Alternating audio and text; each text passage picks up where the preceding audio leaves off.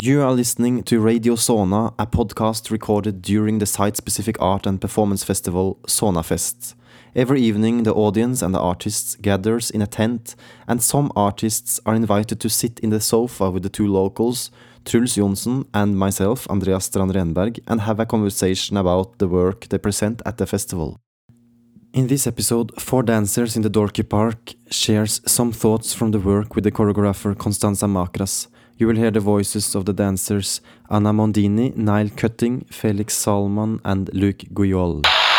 So, my name is Ana Mondini, and um, I'm working with Constanza Macras company since 10 years, almost 11 years now. And this company is, uh, we, we don't call us, I mean, it's dancers, but we are much more performers. We do different things. We come from different places and different kind of educations for movement or theater or singing or acting. And it's um, normally we have very big productions with live music. Everybody speaks, everybody sings, everybody does different things and crazy things. And uh, you come here with the performance I Am With You. Uh, what is I Am With You? So I'll take uh, I'll take over from here. Very good.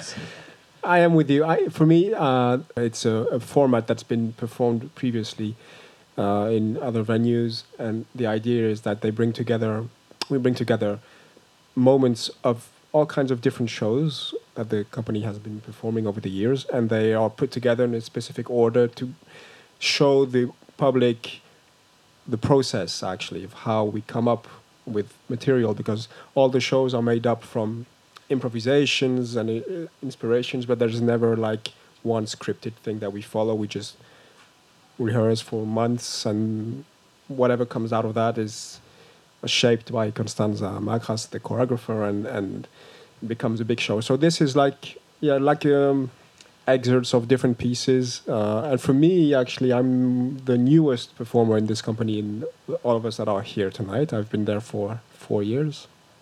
And for me, it's the first time I'm going to do this format. I am with you, uh, but all of you have already done it before. And this, the interesting thing about this format is that it's always a new show in a way because the exits are never. It's never the same uh, pieces.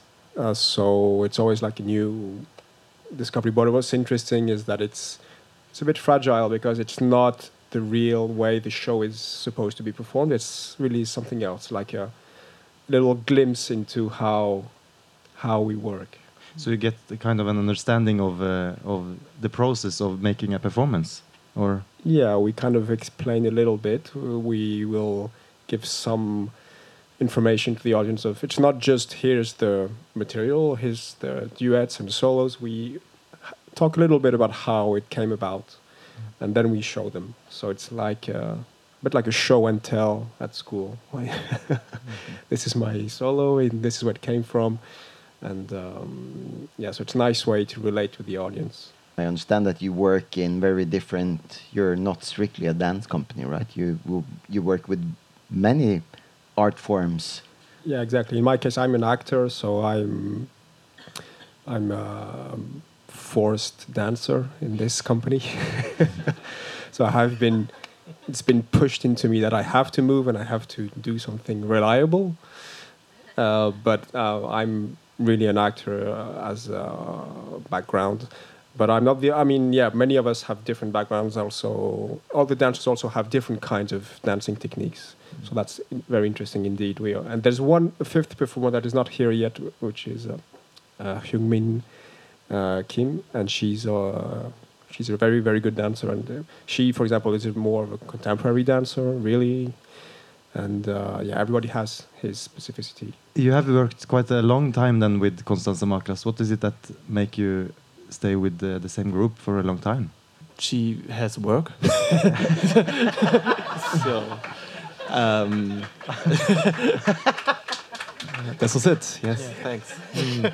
no i think yeah it's, it's, it's an interesting um, process with her every time, and she is uh, traveling a lot. So she she is um, not afraid of going to new cultures, and um, implement their their special uh, dance style and or the, the culture of these these people into their pieces. And I think it's uh, it's for us. We for for example, she she works a lot of um, a lot of times in Africa at the moment. So um, I was uh, part of a piece in Africa uh, with African performers, and we the whole production process was in South Africa. So for me was to to uh, learn from these people or learn this this um, new African dance um, styles was really interesting and was really um, great for me to experience. So I think uh, this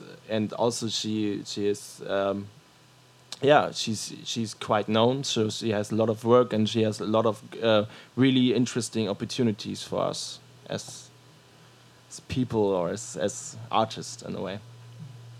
I would like to compliment that it's always a big, big challenge to work with Dorky Park. We call us our, us as Dorkies, which means something strange, um, because uh, it's challenging because we do things that normally uh, are taboo in dance. And uh, with Constanza and Dorky Park, it happens like this: or you love it or you hate it and you take the risk and we take the risk with her to do what has to be done and to talk about politics. It's tragic it's dramatic it's funny it's crazy.